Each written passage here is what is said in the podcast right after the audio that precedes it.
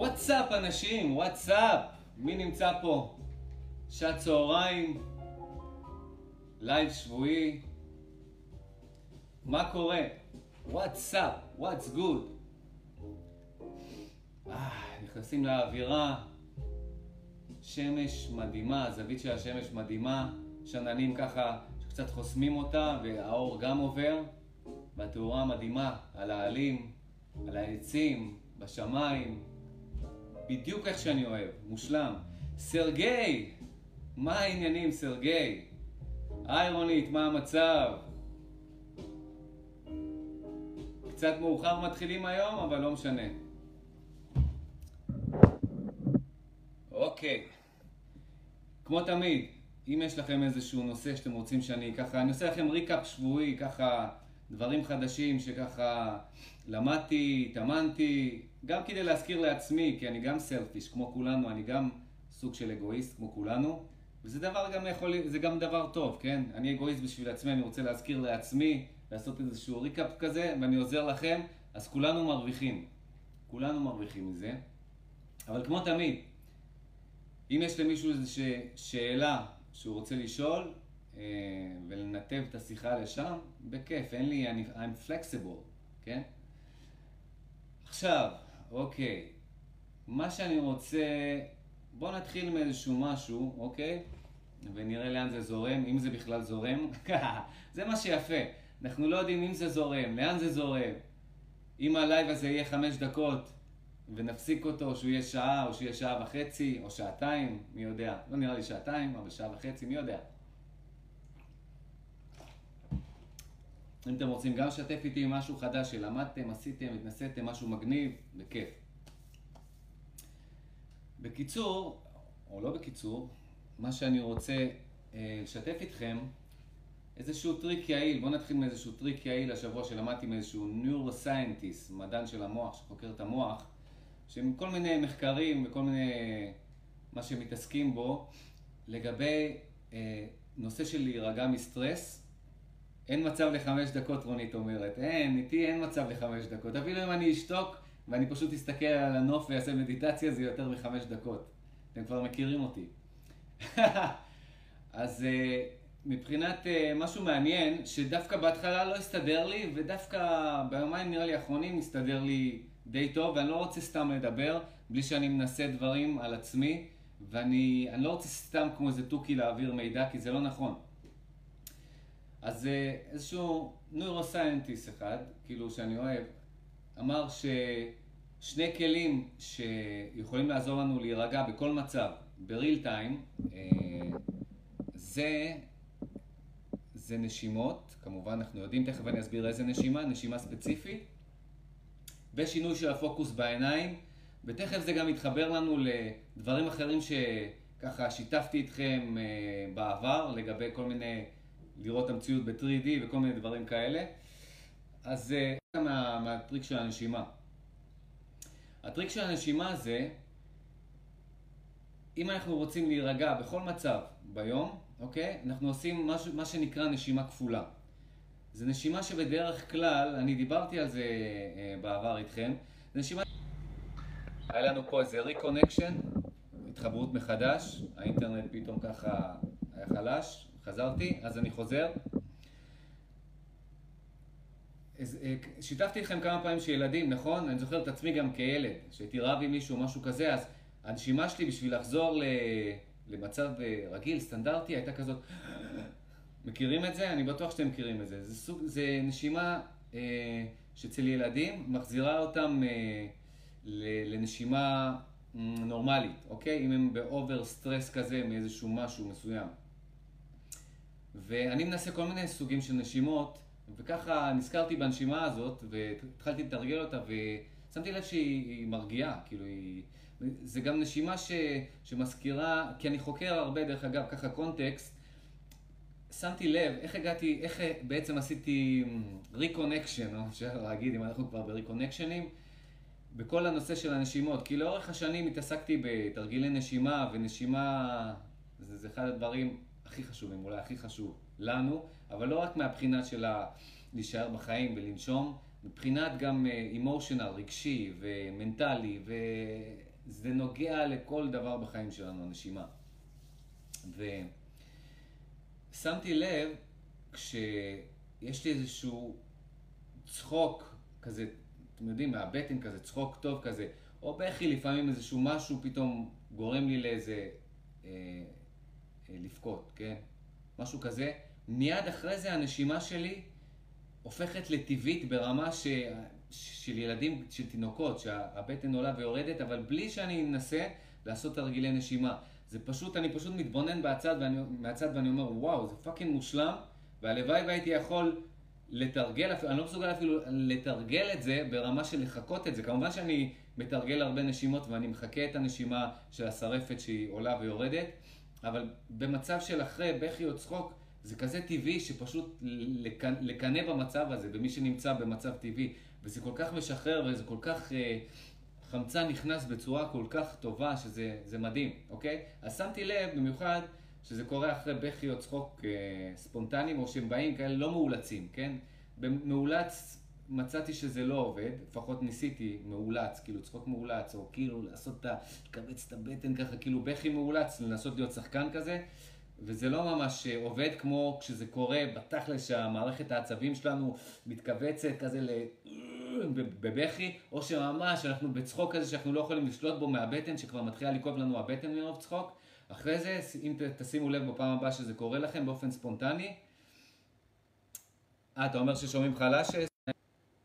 איך עכשיו? תגיד לי איך שומעים עכשיו. המיקרופון לא נראה לי שהוא זמין עכשיו לידי ממש פה ככה בשלוף, אז אני לא יכול ממש לחבר אותו, אוקיי? אבל אני אבדוק לפעם הבאה. תגידו לי אם זה עדיין חלש או חזק. אז, אה, זה מה שחיבר אותי מחדש לנשימות, כי, כי, כי הנשימה הטבעית הזאת אומרת דבר אחד, שאנחנו משוחררים רגשית, מנטלית, אנחנו משוחררים. כשאנחנו משוחררים רגשית ומנטלית, אנחנו לא צריכים להתאמץ לנשום נכון, אנחנו פשוט נושמים נכון, כי הגוף שלנו יודע לנשום נכון. זה אותו דבר מהבחינה של אנחנו עושים תרגילי מדיטציה, תרגילי מודעות, תרגילי פוקוס, תרגילי מה שאתם לא רוצים, כן? שומעים טוב ביפו? אביב, אתה חייב לי סיפור מהלייב הקודם, איך התגברת על התקפת חרדה. אתה לא חייב לספר, דרך אגב. אני אומר, אתה חייב, אתה לא חייב. אם תרצה לשתף איך אה, הלייב שלי עזר לך בהתקפת חרדה, זה יהיה מגניב, כי אני אוסף אינפורמציה מעצמי ומאחרים, וזה עוזר לכולנו. אבל אתה לא חייב. אם זה משהו אישי ומשהו אה, אה, מביך או משהו כזה, אתה לא חייב. אוקיי? אה, אז ככה.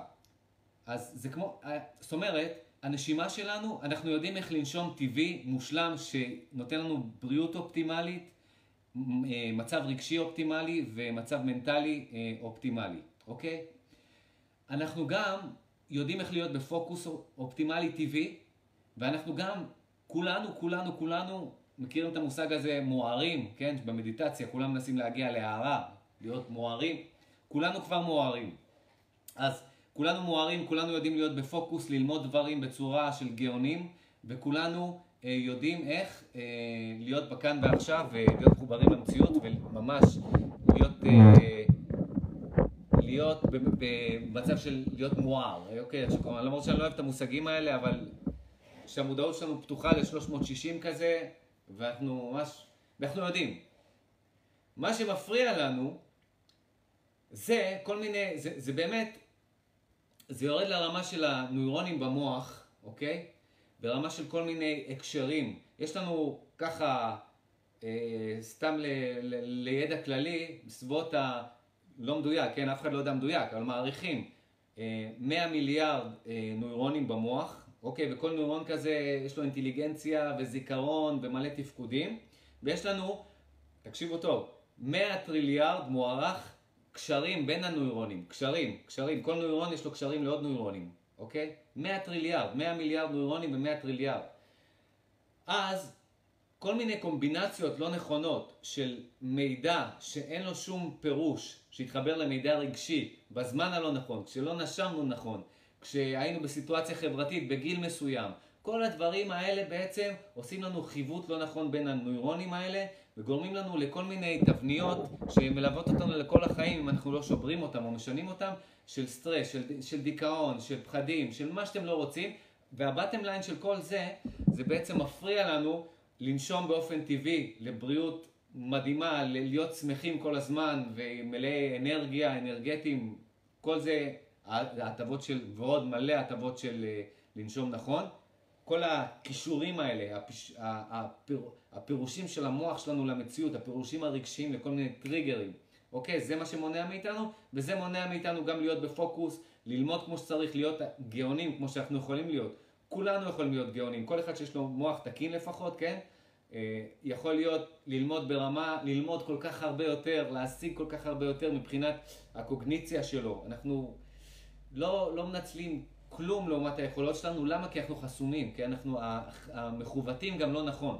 גם מבחינת השרירים שלנו, יחד עם מערכת העצבים והנוירולוגיה שלנו, לא מכוותת נכון, וכל אחד כמובן בדגרי שלו. כל אחד, אני מכוות אחרת ממישהו אחר, ממכם, אתם מכוותים אחרת, כל אחד, אבל מה שאני יכול להגיד, בטוח, אף אחד לא יכול להתחמק מזה. כל אחד, יש לו את הכישורים האלה שגורמים לו אה, לא לנשום נכון, לא להיות אה, בפוקוס וללמוד נכון, להיות, לא להיות עם האנרגיה הזאת הנכונה, לא לבטא את עצמו בצורה כמו שהוא יכול לבטא את עצמו, וכמובן, אה, לא להיות בכאן ועכשיו בצורה מאוד מאוד מאוד... תכף, אה, אביב, תודה שאתה משתף עוד מעט, אני פשוט בשוונג פה על מה שאני מדבר, אני עוד מעט אתייחס לזה.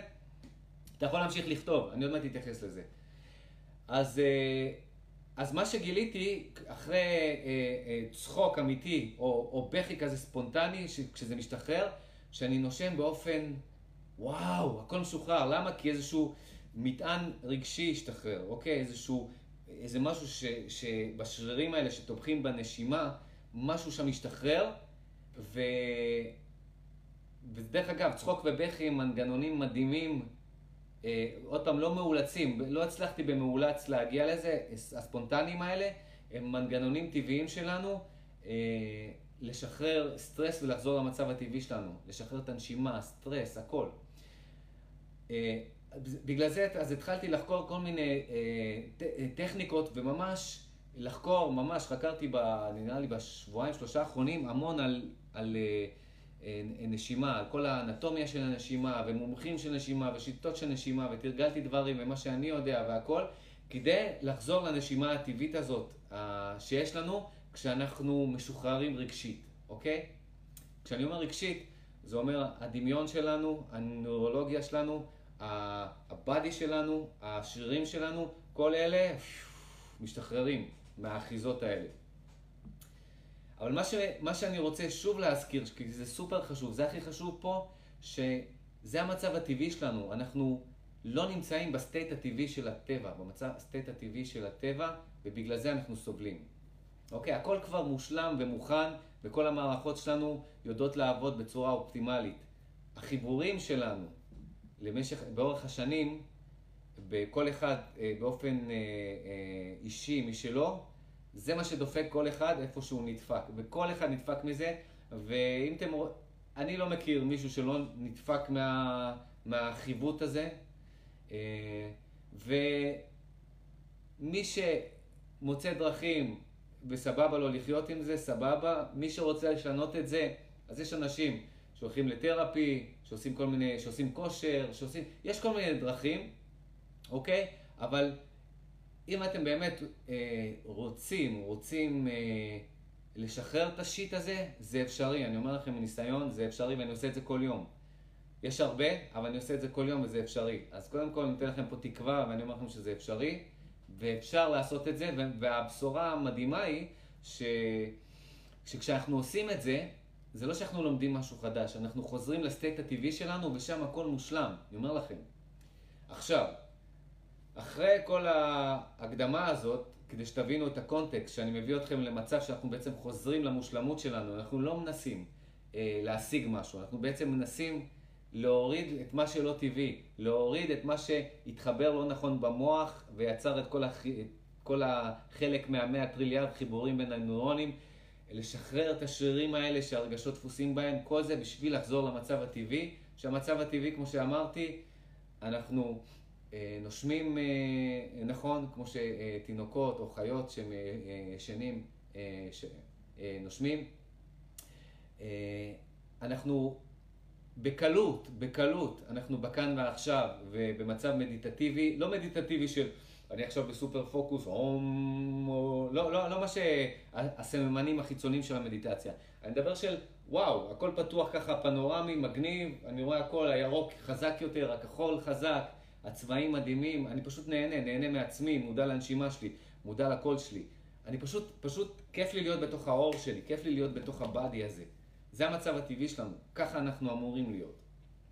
עכשיו, אחרי כל ההקדמה הזאת וכל הקונטקסט הזה, שני אה, טיפים אה, יעילים שבעצם חיברתי אותם יחד מהניורוסייינטיסט הזה, מדען המוח הזה, הם כאלה. שנייה, תנו לי לשתות. אני הוצאתי הרבה CO2 והפה שלי יבש. אה. ככה. אז גילו כמו שהילדים, כשאמרתי לכם, כשהילדים, נכון, אה, אה, הם בוכים או שהם רבים או משהו כזה, אז אה, כדי להחזיר לעצמם את הנשימה, הגוף עושה להם כזה. נכון? אז אוקיי. אז מדענים גילו שפיזית, כשעושים נשימה, אוקיי? ולוקחים דאבל, נשימה כפולה, יש משהו בשרעפת, זה השריר הזה פה, שהוא מפריד בין הקיבה לבין הריאות, וזה מה שנותן לנו כשאנחנו נושמים פנימה. למה הבטן שלנו מתנפחת? כי השרעפת שלנו זה שריר שנמצא פה, פה, אוקיי? מתחת לצלעות ומעל הקיבה. בגלל, למה הבטן מתנפחת כשנושמים נכון? בגלל שהשרעפת יורדת למטה, כדי שיהיה יותר מקום לריאות, אוקיי? ועוד משהו חדש, דרך אגב, שלמדתי מה... מהנוירולוגים האלה, זה ש... ברגע שהבטן שלנו מתנפחת, השרפת יורדת למטה, הלב נהיה יותר גדול. כשהוא נהיה יותר גדול, הוא נרגע, למה? כי הוא לא, כי הוא לא הזרימה של האדם יותר, חופשי, יותר חופשית, ובגלל זה כשאנחנו עושים את, ה, את הנשימות האלה, או שיכול להיות שזה הפוך, אל תתפסו אותי במילה, אבל יש, יש, יש אפקט של כשאנחנו נושמים ונושבים, שהלב נהיה קצת קטן יותר וקצת גדול יותר, ואז אה, תנו לי רגע לחשוב, אני לא רוצה סתם לתת לכם מידע. כשאנחנו נושבים, הבטן נכנסת פנימה, נהיה קטן יותר. אז למה אנחנו נרגעים? אה, יכול להיות אנחנו נרגעים, הלב נהיה קטן יותר, יותר הגיוני. למה? יש לחץ עליו, ואז, ואז הוא קטן יותר, אז אולי הלחץ דם יותר, אה, קצת יותר גדול, ואז זה אומר שהמוח מקבל אה, דם, האיברים מקבלים דם, ואז זה מרגיע. פשוט לא הבנתי. אני מסביר לכם, אני אומר לעצמי, מה אתה מדבר? בולשיט, כאילו, כי כשה, כשאתה... הרי אנחנו יודעים, כשאנחנו נושפים, אם אנחנו רוצים להירגע, אנחנו צריכים לנשוף ארוך יותר מאשר לנשום. ככה אנחנו מתחברים למערכת הפרסימפטית שלנו. ו... אז אני, אז אני חושב, כאילו, אם ההיגיון של הלב נהיה קטן וזה, כשאנחנו נושמים פנימה, אוקיי? הבטן מתנפחת, יש יותר מקום ללב. זה אומר שהוא לא צריך להתאמץ, אוקיי? לא צריך להתאמץ, אבל נשימה פנימה היא אה, מסונכרנת עם אה, הסימפתטיק סיסטם, עם יותר ערנות, יותר אנרגיה, עם סטרס גם, אוקיי? אז כשיש יותר מקום ללב יש יותר סטרס, למה? כי בדיוק, זה counter intuitive, בדיוק. כנראה אה, בגלל שהבטן אה, הולכת החוצה ויש יותר מקום לריאות והכלוב הריאות נפתח ויש ללב יותר מקום והוא נהיה יותר גדול כשאנחנו אה, נושמים פנימה, אז להפך, הוא יותר, הוא יותר דוחף אה, אה, דם, ולהפך, כשאנחנו נושפים, השרפת עולה למעלה, הריאות שלנו נהיות קטנות, פחות מקום ללב, נהיה יותר קטן, אוקיי? ואז אנחנו אמורים להירגע. למה להירגע? כי יכול להיות שהוא דוחף יותר אה, אה, דם, ואז כשיש לנו יותר דם, כן, זה הגיוני, זה הגיוני עם דברים אחרים שאני יודע. כשיש לנו יותר דם, אז המערכת שלנו נרגעת. כשהמוח מזהה שיש פחות דם, למה, דרך אגב, זה סתם ככה לידע כללי, אני ככה קופץ, אני אגיד לכם איך אני, התות, אני משתף איתכם פה את התהליך חשיבה שלי. אני אוהב לראות MMA, אני אוהב לראות את כל האגרוף, את כל הדברים האלה, אז סתם חקרתי למה אנשים מקבלים נוקאוט, למה הם מתעלפים כשהם חוטפים את הבוקס, את הנוקאוט.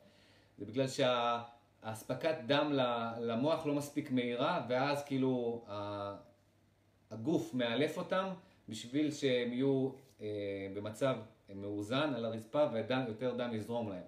הבנתי למה, הבנתי, אוקיי. אז ברגע שיש לנו אה, יותר פאמפ של דם, אנחנו יותר נרגעים, ואז בגלל זה, אה, כשאנחנו נושפים, אה, נושפים החוצה, הבטן שלנו נכנסת פנימה, הלב יותר קטן, אז הוא דוחף. זה כמו אה, צינורות כאלה, וכשהם נלחצים הם דוחפים יותר דם, אנחנו יכולים להירגע. ככל שיש לנו יותר זרימה ואספקה של דם, אנחנו יותר רגועים. מובן, זה קאנטר אינטואיטיב.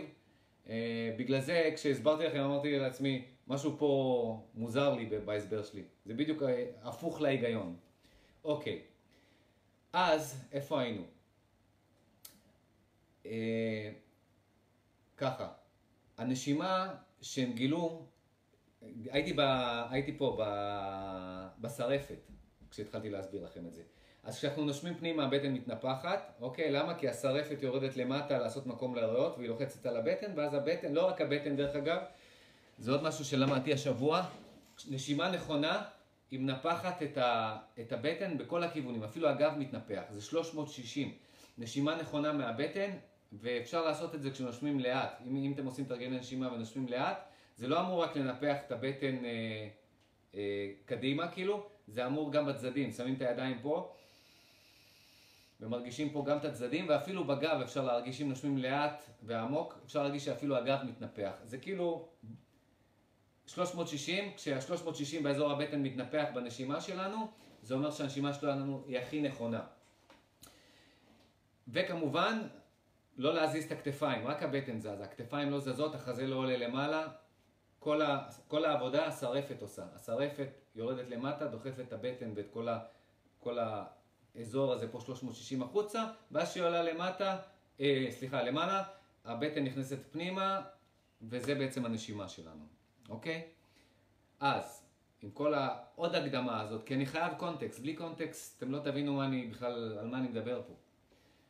אז, עכשיו שאתם מבינים גם איך זה עובד, אוקיי? או שהזכרתי לכם איך זה עובד, אז ברגע שאנחנו עושים את הנשימה הכפולה הזאת, הם מצאו את ה... אוקיי? את הנשימה הזאת, זה מכניס ישר למצב של רלקסיישן, של רגיעה. אז אם אנחנו בסטרס במהלך היום, נשימה כפולה שהיא באה מהרעיון של הילדים שנושמים ככה בשביל להרגיע את עצמם ואז הם נרגעים, זה בא מאותו רעיון, פשוט חקרו את זה וגילו שמה שזה עושה זה כשאנחנו בסטרס, השרפת שלנו אה, מאבדת את הרידם שלה, את הקצב שלה, העלייה והירידה הטבעית הזאת מאבדת. וילדים, הסיבה שהם עושים את זה ככה,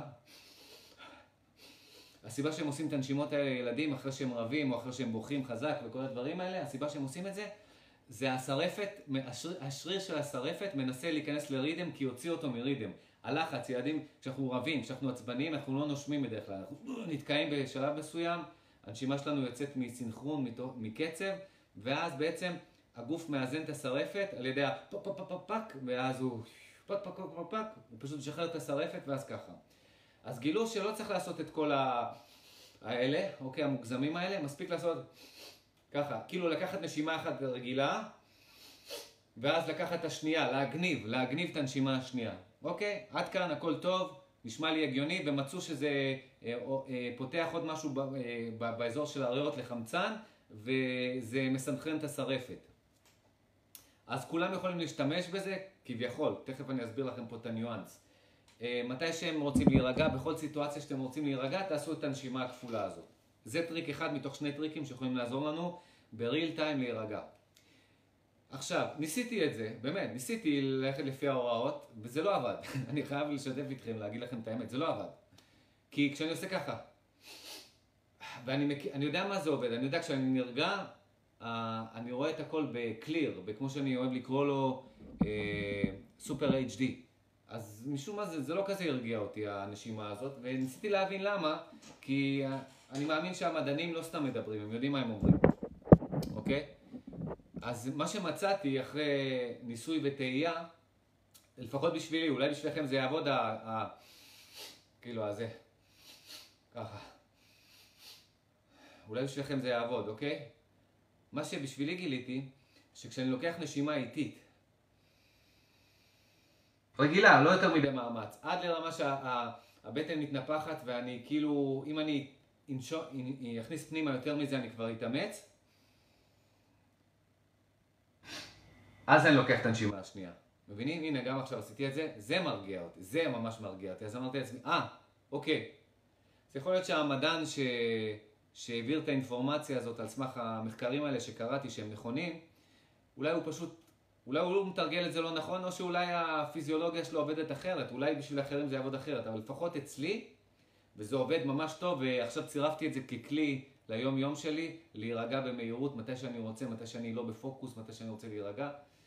אה, זה עובד אצלי, ותנסו אתם מה עוזר לכם. לאט, בינוני או, או איטי, לי עוזר לקחת נשימה איטית. עד לכאן זה הנשימה, ואז עוד אחת. אוקיי. עכשיו אני אעבור לחלק השני. זה כבר מרגיע, דרך אגב. כבר מכניס לפרסימפטטיק ומרגיע. אבל אני אעבור לטיפ השני שלהם. שלו לפחות, של ה neuroscientist. זה ברגע שאנחנו אה, בסטרס, בפחד או משהו כזה, העיניים שלנו הופכות לפוקוס מצומצם. פוקוס שלנו הופך להיות מצומצם. אין לנו ראייה פנורמית, אוקיי? אז אחד מהטריקים שמצאו זה שכשאנחנו עוברים לראייה פנורמית, אוקיי? אז אה, זה משפיע, זה כמו שבגוף ובמוח דברים עובדים לשני הכיוונים, אוקיי? זאת אומרת, אם כשאנחנו נרגעים או לפחות כילדים, או משהו כזה, אז אנחנו עושים כזה, כאילו, זה, אז אם אנחנו עושים את הנשימות האלה, אנחנו יכולים להירגע. זאת אומרת, זה two-way street, זה עובד לשני הכיוונים בפיזיולוגיה ובנוירולוגיה. אז אפשר להשתמש בזה גם הפוך. אם אנחנו ננשום כמו שאנחנו נושמים, כשאנחנו נרגעים באופן טבעי, אז גם הסטרס הפסיכולוגי שלנו יירגע. זה ההיגיון, אוקיי? אותו דבר כשאנחנו נכנסים לסטרס, לפאניקה, לפחד, למשהו כזה, העיניים שלנו הופכות, ואתם פעם הבאה שתהיו באיזשהו סטרס, תרגישו את זה. אתם לא יכולים להיות, אתם לא יכולים לראות את המציאות פנורמית. אתם בפוקוס כזה, זה כאילו כזה, ואני אסביר לכם למה. יש לכל זה היבטים של הישרדות של חיות בטבע. אם נגיד אתם הולכים, גם של בני אדם, אם עכשיו אתם הולכים באיזשהו שביל מסוים וקופץ נחש פתאום לשביל הזה, אתם נעצרים, נכון? הדבר הבא שקורה זה הנשימה נעצרת ישר כמובן, והראייה שלנו, הפוקוס שלנו הופך להיפר פוקוס. אנחנו, כל הפריפריה לא מעניינת אותנו, כל אה, הפנורמה לא מעניינת, לא מעניין אותנו הציפורים, העצים, הפירות שם, לא מעניין אותנו כלום. ה vision שלנו הופך לעיגול כזה קטן על הנחש עצמו, על הגורם המאיים עצמו. אנחנו, העיניים שלנו נכנסות לסופר פוקוס על הגורם המאיים. וזה נכון גם לפחד, פאניקה, שפתאום נחש קופץ או איזה נמר מגיע ואתה צריך לראות מה הוא יעשה, אתה חייב להיות בסופר פוקוס. סופר פוקוס, אוקיי? וזה גם נכון לגבי הצד השני, כי גם חיות שטורפות חיות אחרות, אם תסתכלו על עיניים של נמר או אפילו חתול, אתם תראו שכשהן אה, הם, הם, אה, מתכוננות לרדוף אחרי חיה אחרת, הם גם, ה vision שלהם הופך להיות ל...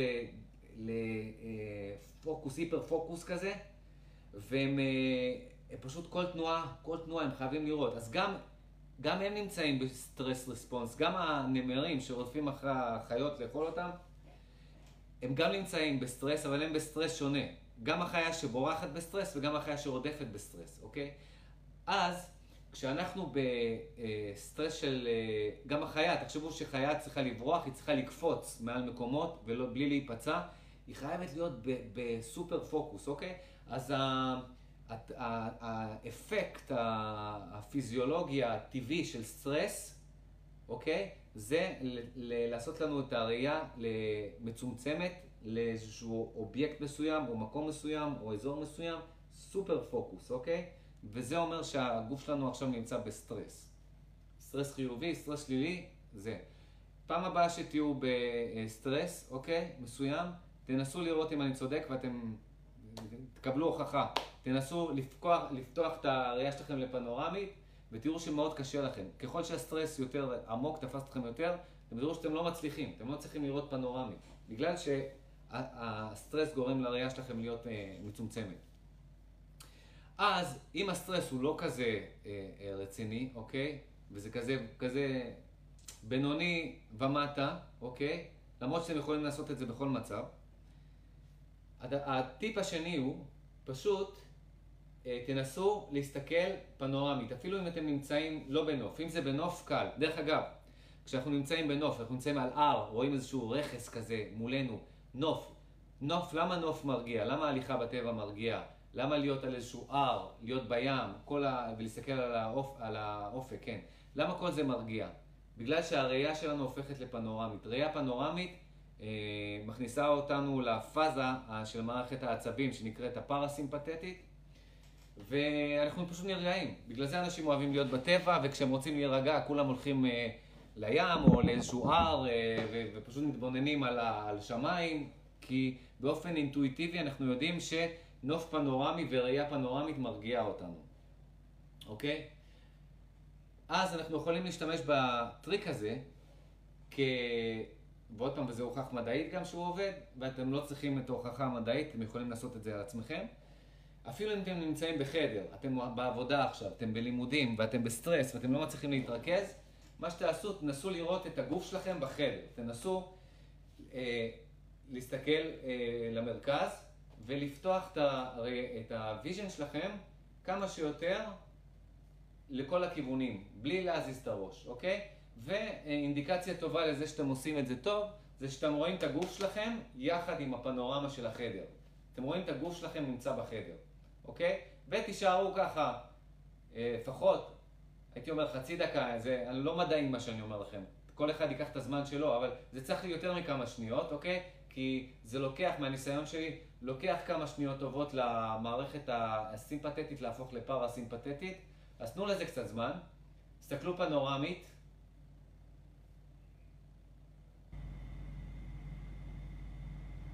תראו את הגוף שלכם בתוך החדר. תנשמו כמובן. ואתם תראו כמו קסם, אתם נרגעים כמו קסם. וזה עוד טריק, זה טריק, זה הטריק השני שאפשר בכל מקום להשתמש בו כדי להירגע. עכשיו, אחרי שתרגלתי את שני הטריקים האלה בנפרד, הבנתי משהו מעניין, שאפשר לשלב אותם, ולשלב אותם בצורה אה, ממש מדהימה, אוקיי? אז מה שאני עושה, אחרי שאני לוקח את שני הטריקים האלה ומשתמש בהם, אז אני קודם כל, אני לוקח את ה... זה עובד בשבילי, אני לוקח את הנשימה האיטית הזאת,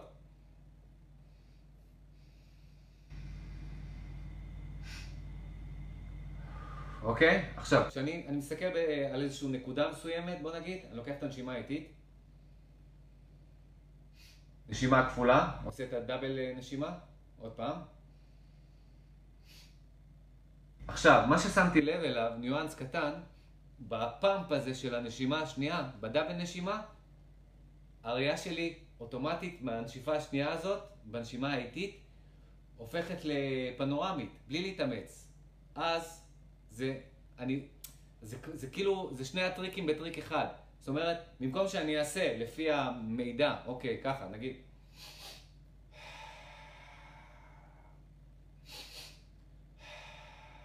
שאותי באופן אישי זה לא מרגיע, אוקיי?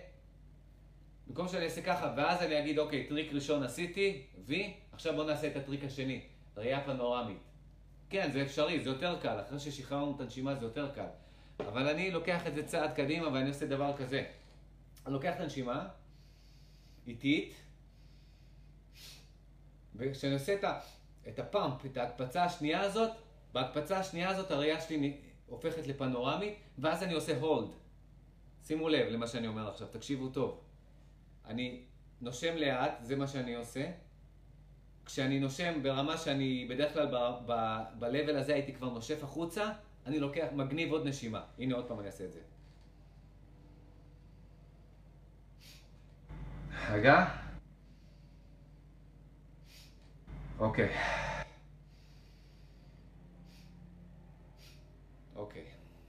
ואז, ב pump הזה שאני עושה, העיניים שלי הופכות ל vision שהוא אה, פנורמי, ואני עושה hold, אני עושה hold על ה vision הזה. שנייה, אני אתרגל איתכם את זה עוד פעם, כי אני רוצה לתת לכם את הניואנסים של זה.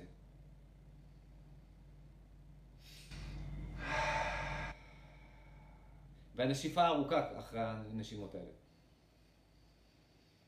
שנייה.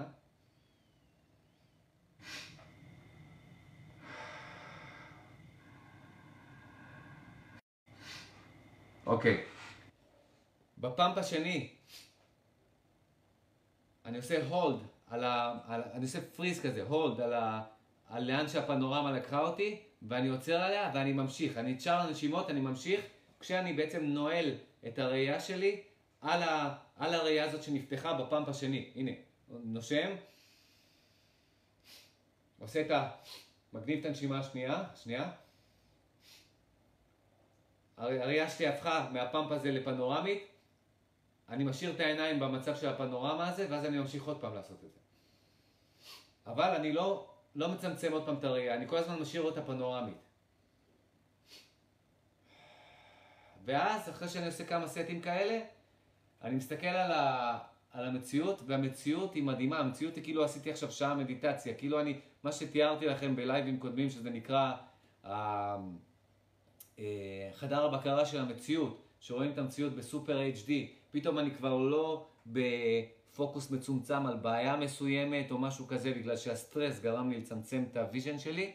אני עכשיו פתאום קולט את כל האובייקטים במרחב שלי, אני מחובר לכאן ועכשיו, וזה פשוט אינדיקציה שאני במצב, ב state, חזרתי ל state הטבעי שלי, ואני מחובר, ואני רגוע, ומכאן אני פשוט, יש לי מומנטום חדש שאני יכול להשתמש בו, ואני, ואפשר לעשות את זה כמה פעמים שאנחנו רוצים ביום. אז זה מדהים, מדהים. תשת... אני מקווה שהסברתי לכם את זה בצורה מובנת. אה, תנסו את זה כדי להבין את האפקט של זה, אבל שניהם ביחד, תשחקו עם זה, זה מדהים, כי, כי זה מחבר לי את הכל, זה מחבר לי, הרי זוכרים שלימדתי אתכם הרבה פעמים, תבדקו שחדר אה, הבקרה של המציאות שלכם, שהמודעות שלכם מחוברת לעכשיו. איך אתם בודקים? אתם רואים אה, הפרדה בין אובייקטים, אתם רואים שהצבעים נהיים חדים יותר, יותר. אתם רואים שאתם מסוגלים להסתכל פנורמית אה, ולראות את הכל יחד אה, בלי מאמץ. אוקיי? כל, כל, כל, אז מה, מה שעשיתי כשהגעתי לסטייט הזה, פשוט אה, ניסיתי לעבור ישירות לסטייט הזה כדי להביא את זה ברוורס, את הרלקסיישן הזה, אוקיי? והצלחתי ואני מצליח לעשות את זה. לא לכולם זה קל, וגם לי לא תמיד זה קל. לא תמיד זה מצליח לי אה, בצורה כזאת שאני מרוצה מאיך שזה מצליח לי, אוקיי? אבל מה שחיברתי בין שני הטריקים האלה של הנשימה הכפולה הזאת והראייה הפנורמית, זה שזה כל כך מוכר לי, ה... ה... הראייה הפנורמית, ושמתי לב שהנשימה הכפולה הזאת מכניסה באופן טבעי לראייה הפנורמית, והראייה הפנורמית הזאת זה להיות רגוע ומחובר לכאן ועכשיו, מחובר למציאות בעכשיו. אז זה, זה מדהים שיש טריק כזה מהיר, שאפשר בעצם לחבר את הכל יחד וליהנות מזה ולהשתמש בזה. אז תעשו את זה, ועכשיו אני אקרא את מה שאביב כתב לי.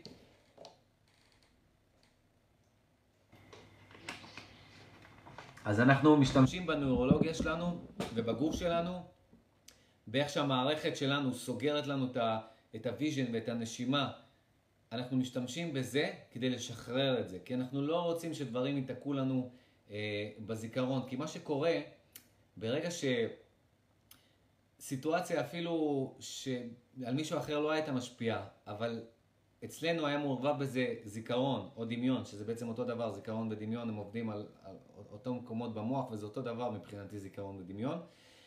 אם רגש או פחד, יותר נכון, בוא, בוא נקרא לזה בשם יותר אמיתי, אם פחד, אוקיי, יתחבר, יכול להיות גם רגשות אחרים, אבל פה אני מדבר בקונטקסט של פחד. אם פחד יתחבר עם תמונה מסוימת שהיא לא מזיקה, לא מפחידה, אבל באותו רגע, כי האמיגדלה שלנו כל הזמן מנסה להבין מה קורה שם במציאות, מה מפחיד ומה לא, מה הוא סטרספול ומה לא. אז אם ברגע מסוים אה, משהו שהוא ניטרלי יתחבר עם רגשות של פחד, יתחבר ביחד עם רגשות של פחד. מה שזה קורה מבחינה פיזית במוח שלנו, נוירונים יתחברו עם נוירונים אחרים. זה ממש נכנס לנו פה לאזור הזה שנקרא אה, היפוקמפוס במוח, בשני הצדדים, וזה הדבר הזה, כל החיים יושב שם, נמצא שם. הזיכרונות הרגשיים האלה, וזה מה שדופק אנשים שתקועים רגשית, שצריכים תרפי, והאמת היא שזה דופק את כולנו, הדבר הזה. אה, ואין לנו שליטה על זה, ואנחנו הרבה פעמים גם בלי לעשות כל מיני אה, טכניקות, אנחנו, ולפעמים אנחנו לא צריכים לדעת מה גרם למה, כי זה לא הגיוני. זה כישורים כאלה של סוג, אה, הייתי אומר פרימיטיבי, אפילו מוח הפרימיטיבי שמנסה להגן עלינו, שפשוט מקודד שם, מקודד שם במוח, ושום דבר לא יעזור עד שאנחנו לא נשחרר את הקידוד הזה. אה, ובדרך כלל מה שעושים בפסיכולוגיה, יש דבר כזה שנקרא exposure. exposure זה מישהו מפחד ממשהו, אז הוא נחשף לזה שוב ושוב בסביבה בטוחה, וככה הכישורים האלה של הפחד הרגשי, רגש ותמונה, זיכרון או תמונת דמיון ביחד, זה מתחיל להיפרד. מה שנקשר מתחיל להיפרד. אם אתה עוד פעם חוזר לזה, ועוד פעם חוזר לזה, אבל הפעם אתה רגוע, הפעם אתה רגוע כשאתה חוזר לזה, לאט לאט, או לפעמים במכה אחת, זה, זה נפרד. ברגע שזה נפרד, כאילו המודעות נשלפת משם החוצה, כאילו, כאילו זה לקח לנו פיסה ממי שאנחנו, החרא הזה. פיסה ממי שאנחנו, וזה פשוט לוקח לנו חלק מכל מי שאנחנו, וזה מוריד לנו את, ה, את, ה, את השלמות שלנו, את כל האנרגיה שלנו. כי יש לי הרגשה אינטואיטיבית, זה לא מדעי מה שאני אומר לכם, זה פשוט מהחוויה שלי כשזה משתחרר לי, כשאני משחרר דברים כאלה, כל מיני נוירונים שליליים שקשורים בכל מיני חוויות שנקשרו יחד, אני מרגיש שכאילו פיסה מהמודעות שלי חוזרת אליי. כאילו ממש חלק מהמודעות שלי, או אם זה מהילדות, ממש נדחס לשם, כמו חמצן או כמו אוויר או כמו משהו, חלק אנרגיה שמחזיקה את זה, כאילו חלק מהאנרגיה שלי, מהאנרגיה של המודעות שלי, נדחסו יחד עם ה fucking connection הזה, וכשאני משחרר את זה אני מרגיש ממש שחרור של, אה, של המודעות שחוזרת אליי, ממש שחרור של מודעות, זה ממש פיזי, זה לא מדעי מה שאני אומר לכם, זה סובייקטיבי, זה הרגשה שלי, אינטואיטיבי, אני מרגיש ממש שחלק קטן ממודעות שנלקח ממני, מפירוש לא נכון רגשי של המציאות, חזר אליי, ואני כל פעם, כמו, כאילו אני מקבל פרס, כאילו כל פעם זה כמו פרס שחוזר אליי, זה, אני, חוז, אני נהיה יותר ממי שאני ויותר שלם. אז, אה, אז הדברים האלה הם פיזיים, זה לא רק אה, כל מיני אה, פילוסופיה רוחנית אני מדבר פה, זה מדעי, זה פיזי, זה, זה ממש פיזי בגוף שלנו. אוקיי. בוא נקרא את... אביב אומר ככה, אז בוא נגיד שנחתתי בניו יורק וחטפתי אה, ג'ט, ככה אני אתן לכם קונטקסט, אביב בלייב הקודם או שני לייבים קודמים אמר לי שהוא נחת בניו יורק, איזשהו התקף חרדה והלייב שלי עזר לו ורציתי אה, להבין בשביל כולנו מה עזר לו. אוקיי? אז הנה, אז הוא משתף. אז בוא נגיד שנחתתי בניו יורק וחטפתי ג'טלג, פלוס חרדות קיומיות, הצפה רגשית שלילית וכולי. ותמיד כשאני אה, מגיע לקצה גבול היכולת העצמית שלי להתמודד, אני מבקש עזרה מאלוהים. והעזרה הגיעה בדמות הלייב שלך, שעזר לי לנשום עם תובנות שעזרו לי לחזור לכאן ועכשיו.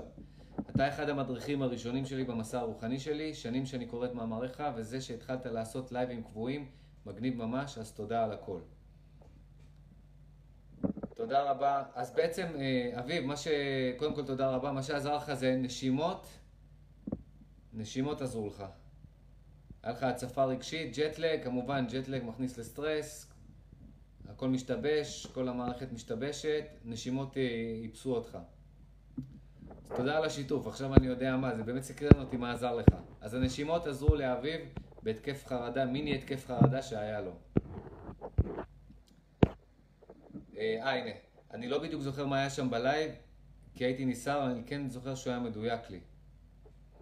אוקיי, יכול להיות שאיזה מילה מסוימת שאמרתי, או איזשהו רעיון מסוים שאמרתי, פשוט אה, עשה לך unlock לפקק הזה, לחסימה הזאת, וזה גרם לך, או שאולי פשוט נשמת, ולפעמים אנחנו לא צריכים לדעת מה, אה, לפעמים אני עושה תרגילי נשימות, גם הרבה אנשים שעושים תרגילי נשימות אינטנסיביים, והרבה אנשים אה, אה, בוכים באמצע תרגילי נשימות, והם לא יודעים למה, ולא צריך גם לדעת למה. גם לא צריך לדעת למה. דברים משתחררים לפעמים, כי כשאנחנו נושמים בצורה עמוקה, יש דבר, יש טכניקה, אני לא ניסיתי אותה, אני עושה וריאציות שונות של נשימות עמוקות, אבל יש טכניקה אה, אה, מסוימת, זה נקרא holotropic breathing, שהרבה הרבה אנשים מדווחים, או אה, נשימות של ווים הוף, אבל אינטנסיביות, שעושים אותם אה, 40, אה, אתמול ראיתי קבוצה של celebrities, עשו נראה לי הוא עשה להם 45 דקות נשימות אינטנסיביות, והיה שם את הזמר מייק פוזנר, ככה מפורסם, שהוא התחיל לבכות באמצע, והוא גם אמר, אני לא יודע למה בכיתי, אבל שחרר לי מלא בכי. אז זה נכון, זה, זה משהו ש... ואחר כך הוא צחק. אז זה משהו שקורה בסשנים של נשימות אה, אינטנסיביות. זה פשוט משחרר אה, דברים שאנחנו מחזיקים, כל מיני הקשרים רגשיים שאנחנו מחזיקים, מחזיקים במוח והגוף שלנו, בשרירים שלנו, ברקמות שלנו. אה, ולפעמים מחזיקים את זה באמת שנים, לפעמים זה משהו אה, עדכני, ולפעמים זה משהו ממש מהילדות, ולפעמים זה קישור, משהו עדכני, שבכלל אנחנו חושבים שזה הבעיה שלנו, אבל זה משהו שדיפ, שזה קשור ל, אה, ממש לילדות שלנו. אז, ה, אז אחת הטכניקות שאני אוהב, הטובות, לא חייב לחפור ולדעת בדיוק מה התחיל את מה, למרות שזה גם אפשרי, ואני גם אוהב לפעמים לעשות סשנים כאלה. אבל לפעמים אה, נשימות עמוקות או ספורט שגורם לך אה, לנשום בגלל שעשית ספורט אינטנסיבי וגורם לך לנשום בצורה עמוקה, אה, לפעמים גורם לך לשחרור הזה. וכמו שאמרתי, כשהשחרור הזה קורה, כשצחוק ובכי באים בצורה ספונטנית, אנחנו נושמים אחר כך בצורה טבעית, וזה הדבר הכי מדהים בעולם, הכי כיף בעולם. אני זוכר, לא מזמן, היה איזה יום אחד שהרגשתי סטרס וזה, אמרתי, וואי, אני חייב ללכת לים, בדיוק זה היה בשקיעה. ואמרתי, אני לא עושה כלום, אני, אפילו לא היה לי את האנרגיה לנסות להבין, כי אני, אני גם לא חושב שזה טוב, כאילו כש, כשיש לנו מצב מנטלי שאנחנו רוצים לצאת ממנו, מח, להתעסק במחשבות, להישאר בראש, כשאנחנו תקועים בראש, זה אחד הדברים הכי גרועים שאנחנו יכולים לעשות.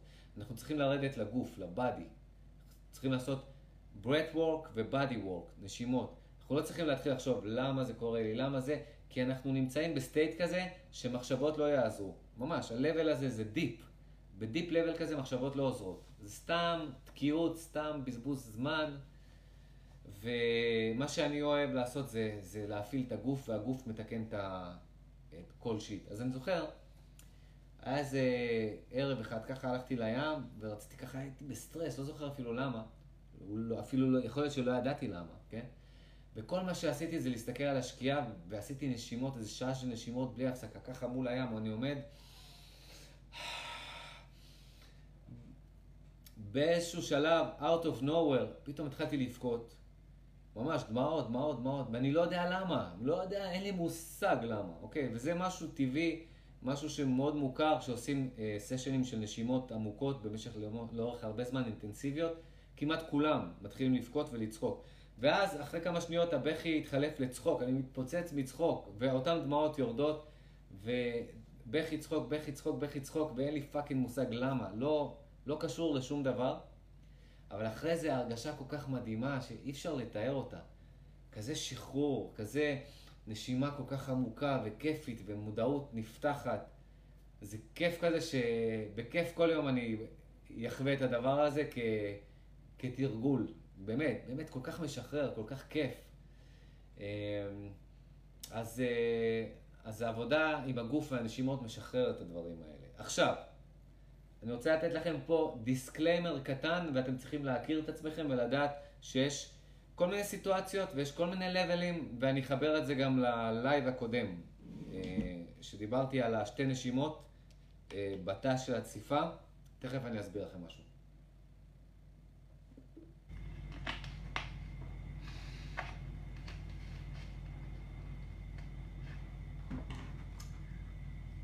ככה. אנחנו צריכים להבין באיזה פאזה אנחנו נמצאים, אוקיי?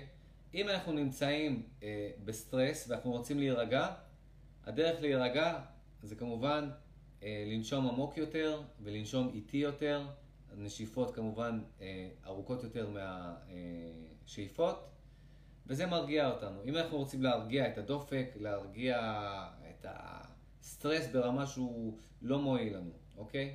אנחנו רוצים, אנחנו צריכים להירגע, אוקיי? להרגיע את הנשימות. ודיברתי בדיוק שבוע שעבר על uh, תת ציפה, שבתת ציפה מה שמעניין, אנשים שצפים שעה בחושך מוחלט, עם uh, אטמי אוזניים, לא רואים כלום, הם פשוט יכולים רק להקשיב לנשימה שלהם, והם צפים במים שהם uh, מגנזיום כאלה, uh, מלח אנגלי, מגנזיום סולט, וזה מציף אותם, והמים חמים בטמפרטורה של הגוף שלהם, ככה שהם לא מרגישים הבדל בין המים לגוף, הם מתמזגים. אז אנשים ששעה נמצאים בתת ציפה הזה, אה, מדענים שבודקים אותם שמים לב שיש להם, אה, הנשימות שלהם יורדות לקצב של שתי נשימות בדקה, ואז התחלתי אה, לתרגל את זה, והרגשתי את הרלקסיישן המדהים הזה, המדהים הזה שקורה לי כשאני צף, אני חובב, אני אוהב לצוף בים. אה, אז, אה, אז סשן אחד של נשימות כאלה, של שתי נשימות בדקה, גרם לי לתחושה הזאת של ה... כאילו עכשיו התעוררתי משינה כזאת, ופרשיות כזאת, וכיפי. אבל, אמרתי לכם שאני אבדוק את זה בכל מיני שעות ביום, שמתי לב כשאני עושה את זה בצהריים, אוקיי? בשעה שהאנרגיה שלי לא כל כך גבוהה, הכי גבוהה היא אצלי בבוקר, אז כשאני עושה את השתי נשימות האלה בצהריים, אחרי זה זה מעייף אותי וזה מוריד לי את האנרגיה. ועשיתי את זה יומיים או שלושה ימים רצוף, ו- ואמרתי לעצמי, וואו, שיט, אני לא עושה את זה עכשיו בשעות האלה, כי זה ממש מרגיע אותי ברמה שזה מרדים אותי, ואני לא רוצה בצהריים, כשיש לי עדיין דברים לעשות, להיות ברלקסיישן כזה. אז זה טוב לערב, זה טוב לפני השינה, זה טוב שרוצים להירגע, כשאתה ממש בסופר סטרס ואתה רוצה להירגע, שתי נשימות האלה לדקה. אז אמרתי לכם שאני אבדוק את זה, זה ה disclaimer שלי. עכשיו, מה שמעניין, זה שכשאנחנו בסטרס, או כשאנחנו בפעילות גופנית, או כשאנחנו אפילו בסטרס חיובי, שאנחנו מופיעים, או whatever, הנשימות שלנו לדקה הן uh, בקצב מואץ. זאת אומרת, במצב טבעי שבן אדם מתפקד בצורה שיש לו אנרגיה והכל, הנשימות שלנו בממוצע הן בין 12 ל-20 נשימות uh, בדקה. זה מצב טבעי, כל אחד יכול לבדוק בכל מיני שעות ביום, לשים סטופר ולבדוק. נשימה, אני מתכוון מחזור של נשימה. אה, נשיפה ושאיפה אה, ונשיפה. זה מחזור אחד של אה, זה. במצב רגיל של ערנות שיש לנו אנרגיה, ממוצע בין 12 ל-20. מה שמעניין זה אנשים שהם אה, אה, רוצים להירגע, יש ביוגה וכל מיני כאלה, הם מורידים את הנשימות שלהם לרמה של 4-6 נשימות בדקה וזה מרגיע אותם, אוקיי? סבבה. אחלה תרגול. מה שעוד מעניין, שזה נתון חדש שלמדתי אותו היום, זה שאנשים שנמצאים בדיכאון, באופן כרוני, קבוע, וגם, וגם האנשים שנמצאים באפיזודה של בדיכאון זמני, מה שמשותף להם מבחינת הנשימות, שהקצב נשימות שלהם הוא כמו של האנשים הרגועים. הוא, והוא אולי הוא טיפ טיפה נמוך יותר. הוא... אה, בסביבות הממוצע של... מה זה היה? זה היה 3 עד 6 נראה לי, או 4 עד 6. 3 עד 6, שזה, שזה בעצם די uh, דומה לקצב נשימות לדקה של אנשים שהם מאוד רגועים. זאת אומרת, אנשים מדוכאים, אנשים רגועים, uh, נושמים באותו קצב. מעניין, אה? עכשיו, אז לאן אני רוצה להוביל את זה? לאיזה ככה תובנה אני רוצה להוביל את זה? פרקטית כמובן.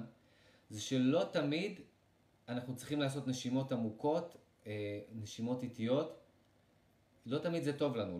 באיזה מצבים זה לא טוב לנו? מצבים שזה לא טוב לנו, זה קודם כל כשאנחנו בדיכאון, כשאנחנו ב, אה, אה, במצב שאנחנו מדוכאים. עכשיו, מה זה אני אגדיר דיכאון, כן? כמובן, יש level של דיכאון, מדיכאון זמני, שזה דומה לסימפטומים של אנשים שיש להם דיכאון חמור, ליד לדיכאון שנקרא קליני, שאנשים לוקחים תרופות ותרפיה ומנסים הכל, שזה ממש השפיע עליהם על המוח, ההורמונים במוח לא עובדים, זה כבר משהו אחר לגמרי, זה היה כאילו, אם יש פה איזושהי סקאלה מסוימת, זה ה top של, ה-level הכי גבוה בסקאלה, לבין level נמוך שכולנו עוברים את ה-level הזה, נכנסים לפאזה הזאת, של האנרגיה שלנו פשוט דחוסה בפנים. אה, ובדרך כלל אני אסביר לכם מתי זה קורה, אני יודע מתי זה קורה. זה קורה כשאנחנו, אה, בגלל שאנחנו חברה מתונה, חברה שלימדו אותנו בבית ספר, לא, לא, לא, לא, לא, או, ובבית, לא להרעיש, לא ילדים מרעישים, משתיקים אותם. אסור בשיעור אה, לדבר חזק או לדבר לא בזמן או כל הדברים. אנחנו עצבניים בהפסקה על מישהו, יש מורה ליד, אנחנו לא נראה. אנחנו בעבודה עצבניים על מישהו, הבוס יושב שם במשרד, אנחנו לא נצרח על הבן אדם, לא נוציא את העצבים, לא, לא נבטא את ההיפר שאנחנו נמצאים בו. מה אנחנו עושים?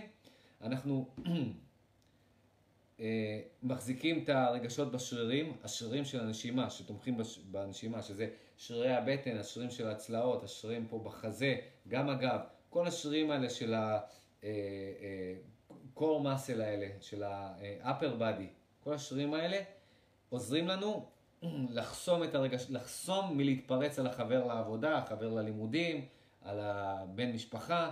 אנחנו עוצרים את עצמנו, כי אנחנו לא, גם לפעמים הפרונטל קורטקס שלנו, המוח הקדמי שלנו יודע שאם אנחנו עכשיו סתם נתפרץ, האנשים האלה יתעצבנו עלינו, אנחנו אולי לא נדבר תקופה מסוימת, אחר כך נצטרך לבקש מהם סליחה, אחר כך, אז אנחנו כבר יודעים את השיט שאנחנו נאכל אם אנחנו נגיד לאנשים בפרצוף מה אנחנו חושבים עליהם בטון של האנרגיה שלנו עכשיו, אז הרבה מאוד מהאנשים, וזה קשור גם לתרבויות, אירופאים, אה, אה, צפון אירופאים הם יותר מתונים, הם לא מראים רגשות, הם בכלל אנשי קרח, לא מראים רגשות, ויש את האזורים החמים בעולם, שזה בסדר תרבותית לצעוק שם.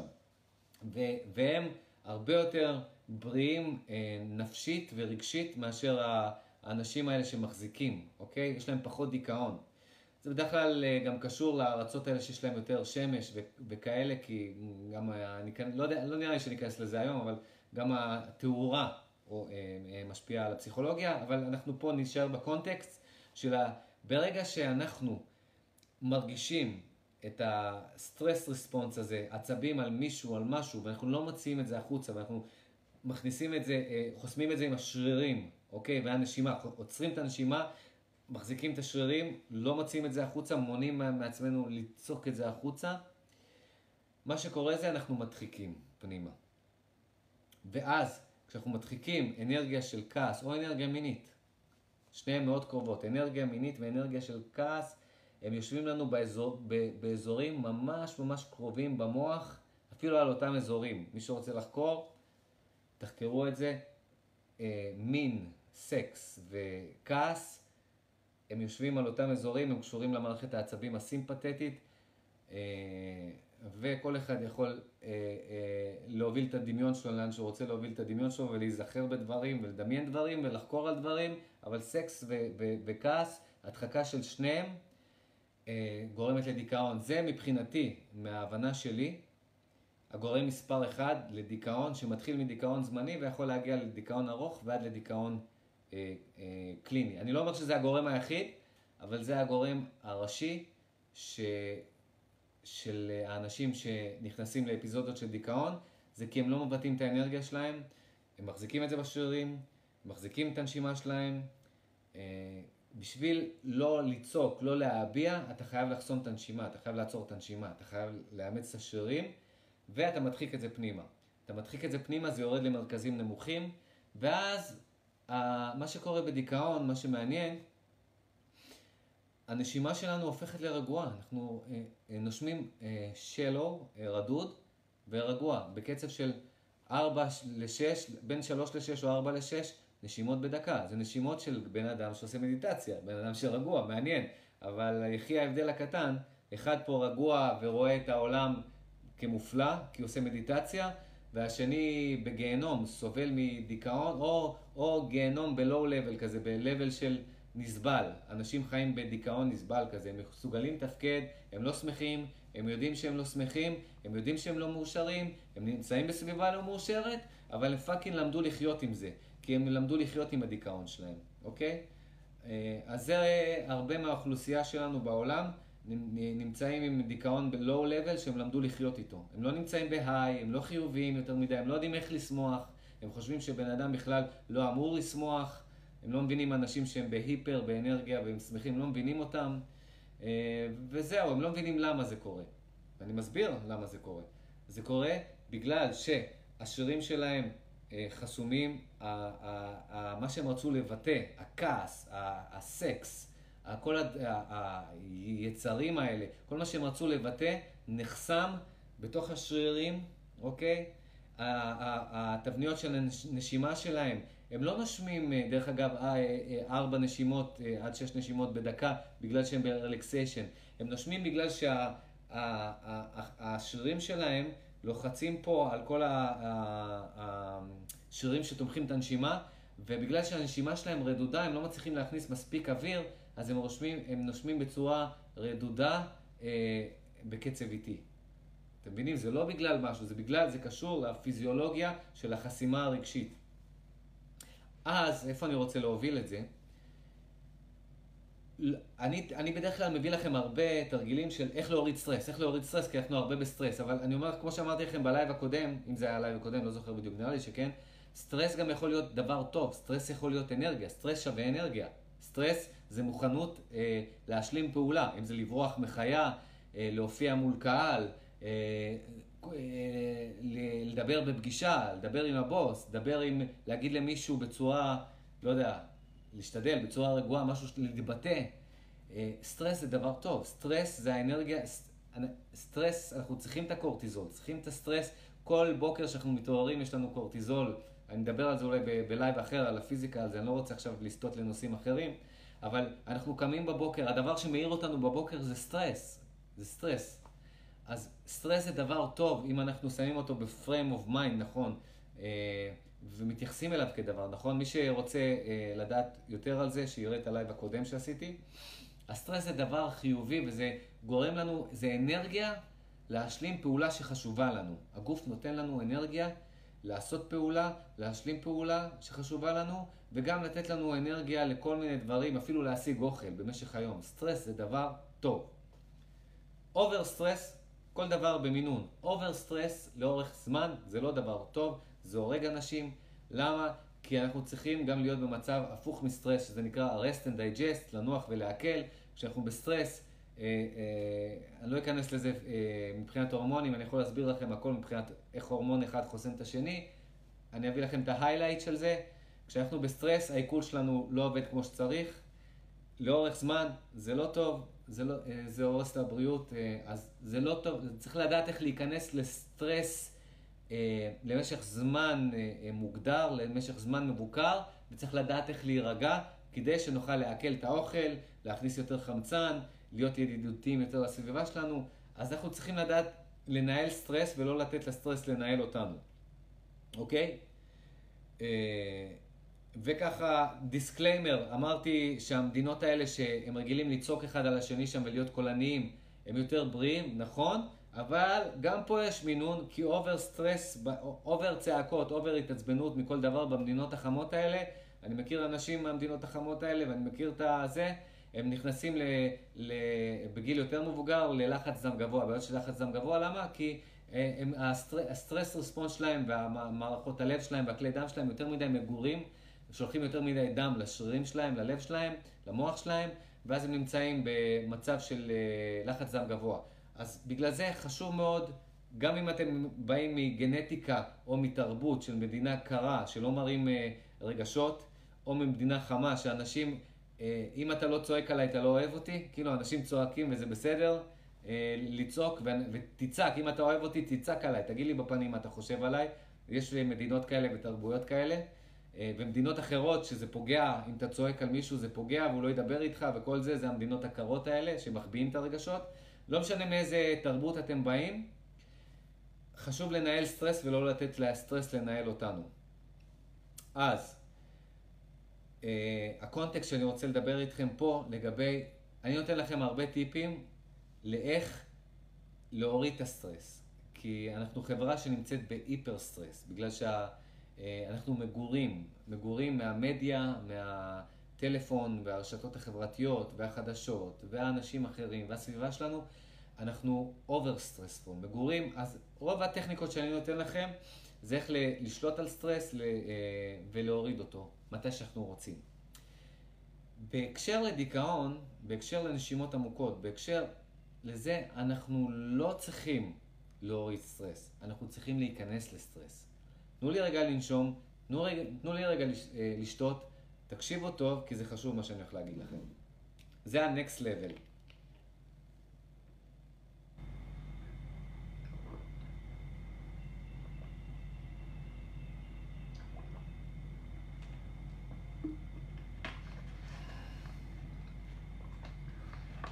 אוקיי. אז ככה, נתחיל ככה.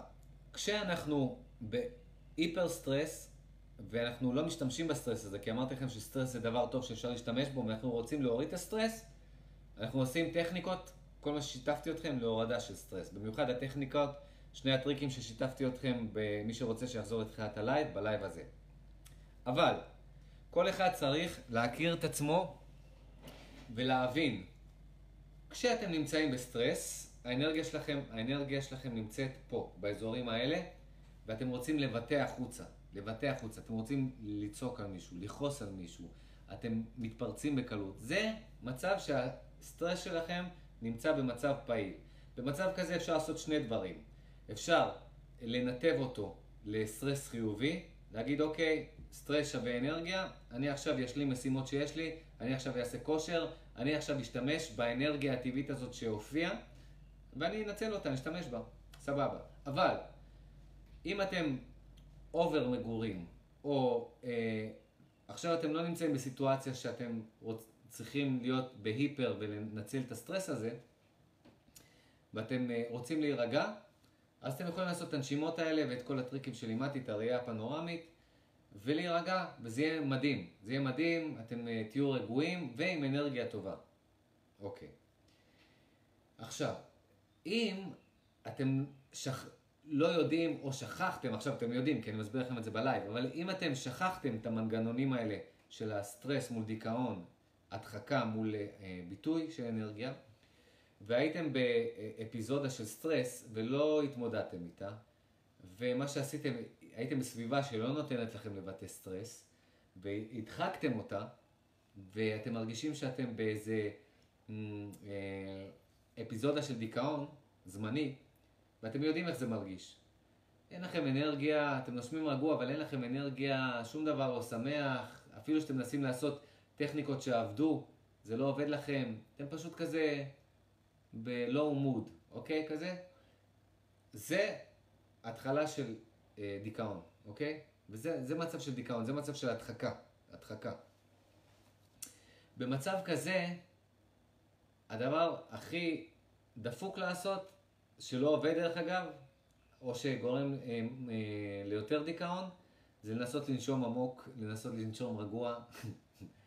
אתם מבינים מה אני מנסה להגיד לכם פה? כשאנחנו נמצאים, אה, כשדחסנו, היינו בסטרס ולא טיפלנו בזה, לא המרנו את זה לפעולות, לאנרגיה, למשהו יצירתי, לביטוי, אוקיי? לא. הנמכנו את הלהבות עם נשימות, לא הרגענו את עצמנו, לא עברנו מהמערכת הסימפתטית לפרסימפתטית. וההיפר סטרס הזה שאנחנו מדחיקים ולא מבטאים, מדחיקים, מדחיקים, מדחיקים, מדחיקים, הופך להדחקה שהופך לאיזה מיני דיכאון כזה, במצב הזה הדבר האחרון שאנחנו רוצים לעשות זה נשימות עמוקות אה, או מדיטציה או להירגע. זה יעשה את זה יותר חמור, זה לא יעזור. מה שאנחנו רוצים לעשות במצב כזה זה להיכנס עוד פעם להיפר. מה שאני עושה, וזה קשה, אבל אני למדתי שאם אני לא אצא מהסטרס, מהמצב של הדחקת הסטרס הזה, מהמצב של המיני דיכאון הזה, אם אני לא אוציא את עצמי מתוך זה, הכי מהר שאני יכול, זה יכול להישאר אפילו כמה ימים. כל היום. זה דופק לי את היום. יש לי מלא דברים לעשות, מלא דברים ללמוד. אני רוצה להיות פעיל, אני רוצה, אני, לא, אני רוצה להיות שמח, אני רוצה להיות אנרגטי. לא בא לי שהסטקנס הזה, המצב התקוע הזה, לא יאפשר לי לעשות את זה. אז מה שאני עושה במצב כזה, אני מנסה לחשוב מה עצבן אותי באותו יום, ואז אני מוציא את זה על שק אגרוף, אני ממש כאילו, מה הייתי, או ש... מה הייתי אומר לבן אדם הזה באותו רגע. עכשיו, אפילו שנגיד אני כבר לא עצבני עליו, אבל באותו רגע נמנעתי מלהגיד למישהו משהו בעצבים, אז עכשיו אני אוציא את זה על שק אגרוף לדוגמה, או בנשימות עמוקות, או באיזה ספורט אינטנסיבי, ואני חוזר על המילים בצורה מכנית, כי לא בא לי עכשיו להגיד לבן אדם הזה כמה שאני כועס עליו לדוגמה, אז אני, אבל אני בכל זאת מכריח את עצמי להגיד את זה בצורה כזאת, על שק אגרוף, עם מצבים. למה? אני מנסה לגרות את הסטרס רספונס עוד פעם. אני מנסה לשלוף מהרמה הנמוכה הזאת של ההדחקה והדיכאון את, ה, את העצבים למעלה. אני מנסה להעלות את האנרגיה למעלה. וזה עובד. אני מעלה את האנרגיה הזאת למעלה, וכשאני מעלה אותה למעלה, אז אני משתמש בה. אתם מבינים? אז אני משתמש בה. אז אני, יש לי אנרגיה, ואז אני יכול... אה, לעשות לה טרנספורמציה למשהו יצירתי, אני, אני פשוט חוזר לעצמי. כשאני מרגיש, כשאני מעלה את הסטייט של המיני דיכאון הזה, את ההדחקה הזאת, למצב של עצבים, אני, אני כועס עכשיו, אוקיי? ואני אומר לאנשים סביבי גם, אני עושה תרגיל עכשיו, לא, לא להתקרב ו, ולא להיפגע ממני, אוקיי? ממה שאני כרגע, אם מישהו נמצא בסביבה שלי, כי אני, אני יכול אה, לדבר בצורה לא יפה וכאלה, ורצוי שאף אחד לא יהיה בסביבה שלי כשאני עושה את זה, כי יש לי מטרה למה שאני עושה, אני לא סתם עושה את זה. אני מנסה להחזיר אם האנרגיה שלי הייתה פה ובכעס והדחקתי את זה למטה, אני מנסה להעלות אותה למעלה. אז כמו שאמרתי לכם, כשהאנרגיה למטה לא מנסים לנשום עמוק, לא מנסים להירגע, לא מנסים לעשות uh, מדיטציה, אנחנו מנסים לגרות את הסטרס רספונס שלנו מחדש, כדי להעלות את זה פה למעלה, ואז מפה למעלה להעלות את זה לפה. להעלות את זה למודעות שלנו, אוקיי? אז זה משהו חדש uh, שאני עכשיו משתף איתכם, שלא דיברתי עליו בעבר, וחשוב מאוד לזכור את זה ב context של uh, לא תמיד נשימות זה הדבר הנכון. נשימות הן הדבר הנכון כשיש לנו סטרס שאנחנו רוצים להרגיע, סטרס במקום לא נכון, שאנחנו רוצים לעשות performance מסוים. אתם עומדים אה, אה, לדבר באיזה אה, לא, מקום ואתם בסטרס ואתם רוצים להיות בפוקוס ולא להיות בפוקוס על הסטרס שלכם, אתם רוצים להיות בפוקוס על מה שאתם רוצים להעביר, על המסר שלכם. אז זה מקום טוב להרגיע עם הנשימות, זה מקום טוב להרגיע קצת את הסטרס. אה, לעבור למערכת הפאראסימפתטית, לפתוח את הראייה לפנורמי, זה מקום טוב. אה, כל פעם שהסטרס, אה, שהסטרס הוא במקום וזמן לא נכונים ולא יעילים, זה טוב להרגיע. אז זה כלי יעיל. אבל, ועוד פעם אני חוזר על זה, כשסטרס לא מבוטא, יורד למטה, ל-level של מיני דיכאון בעקבות הדחקה, הדבר הכי גרוע זה לנסות להישאר רגועים, לעשות נשימות, לעשות מדיטציות. לא. אתם לא צריכים עוד יותר להירגע, כי אתם כבר נושמים בקצב של, של אה, כמו שאמרתי, אנשים בדיכאון ואנשים שהם עושים תרגילי אה, יוגות נשימה, יוגת נשימה ומדיטציה, נמצאים באותו קצב נשימות אה, לדקה, אוקיי? הלב של הדופק שלהם איטי, אוקיי? אז אתם לא רוצים להישאר ב state הזה, אתם רוצים להיכנס ל hyper, אתם רוצים להיכנס לסטרס. ומשם לעשות טרנספורמציה לסטרס הזה שעוררתם אותו מחדש, ל... או אה, שימוש למשהו יצירתי, לבטא את עצמכם, או מהלבל של ההיפר סטרס הזה, עכשיו אתם יכולים להרגיע ולווסת את ה... level של הערנות שלכם, של הפוקוס שלכם, של הנשימה שלכם, לרמה כיפית שאתם יכולים לעבוד איתה בשעה הזאת, ביום, במקום הזה, איפה ואיך שאתם צריכים את זה. וואו!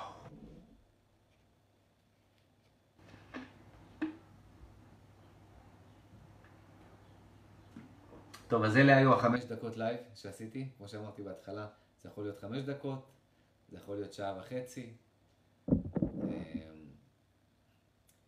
חשוב מאוד הדברים האלה, להבין את הדברים האלה.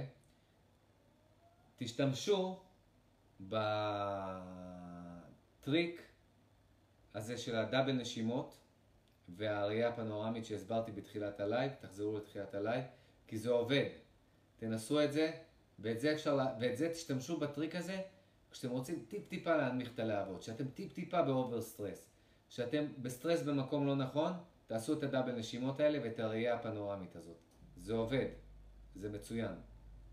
כשאתם נמצאים אה, במצב של laziness כזה, את, אה, אין לכם אנרגיה לעשות דברים, אתם לא מצליחים להיות שמחים, ואתם אפילו לא, לא ממש מודעים לזה שאתם באיזה מיני דיכאון כזה, אוקיי? האנרגיה שלכם רגועה מדי כזאת, עצלנית מדי ולא באופן חיובי, תכנסו להיפר. תעשו תתעצבנו, תתעצבנו מחדש. כמובן בסביבה מבוקרת, לא להוציא את זה לאנשים אה, אחרים, בסביבה מבוקרת, על שק אגרוף, על כרית. אה, תמצאו את הטריקים שלכם, תעלו מחדש את הסטרס למעלה, ואחרי שהוא למעלה, יש לכם עכשיו אנרגיה זמינה לעבוד איתה. רונית כותבת תודה על הפירוט, זה יותר מובן, אני שמח שזה מובן, אה, זה משהו חדש דרך אגב, וזה מאוד מאוד חשוב, וזה כלים איכותיים בשבילנו, ככה לנווט את היום יום שלנו, אה, בין כל מיני סטייטים אה, של, של איפה שהאנרגיה שלנו נמצאת, וכדי שנהיה יותר יעילים, נרגיש יותר טוב, נהיה יותר שמחים, ולסיום, מה שחשוב לי, התחלתי את הלייב עם זה, חשוב לי מאוד לסגור את הלייב עם זה, זה, אנחנו תמיד צריכים לעשות את כל הדברים האלה בקונטקסט שבמצב הטבעי שלנו אנחנו מושלמים. הגוף שלנו יודע איך לנשום נכון. הגוף שלנו יודע איך להביא אות, אותנו לפוקוס ולאנרגיה לכל פעולה שאנחנו צריכים.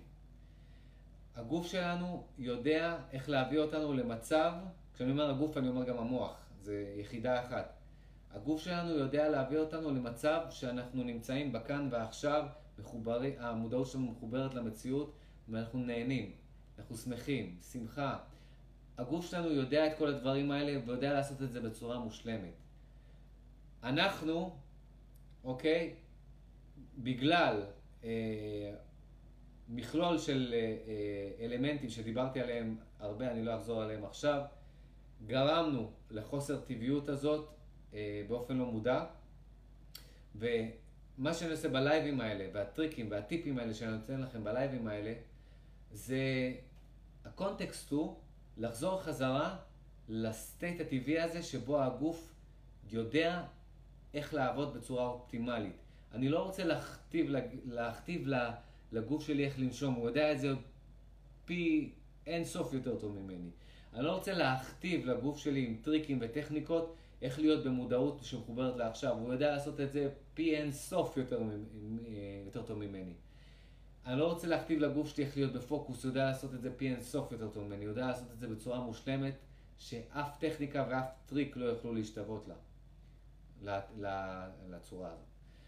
הגוף שלנו חכם, הגוף שלנו יודע את זה, את כל הדברים האלה. אנחנו צריכים לחזור לטבע, אנחנו צריכים לחזור. להיזכר מחדש, לתת לגוף, אה, לאפשר לגוף שלנו להזכיר לנו, אנחנו לא צריכים אפילו להיזכר. אנחנו צריכים לתת לגוף שלנו, לאפשר לגוף שלנו להזכיר לנו מחדש איך לנשום נכון, איך להיות שמחים, איך להיות בפוקוס ואיך להיות מחוברים לעכשיו. הוא יודע לעשות את זה יותר טוב מאיתנו. זה הקונטקסט הנכון של כל מה שדיברתי עליו ועל כל מה שאני מדבר עליו, אוקיי? תודה לכל מי שהיה בלייב הזה, מקווה שנהניתם, אני נהניתי, נתראה בלייב הבא, ביי.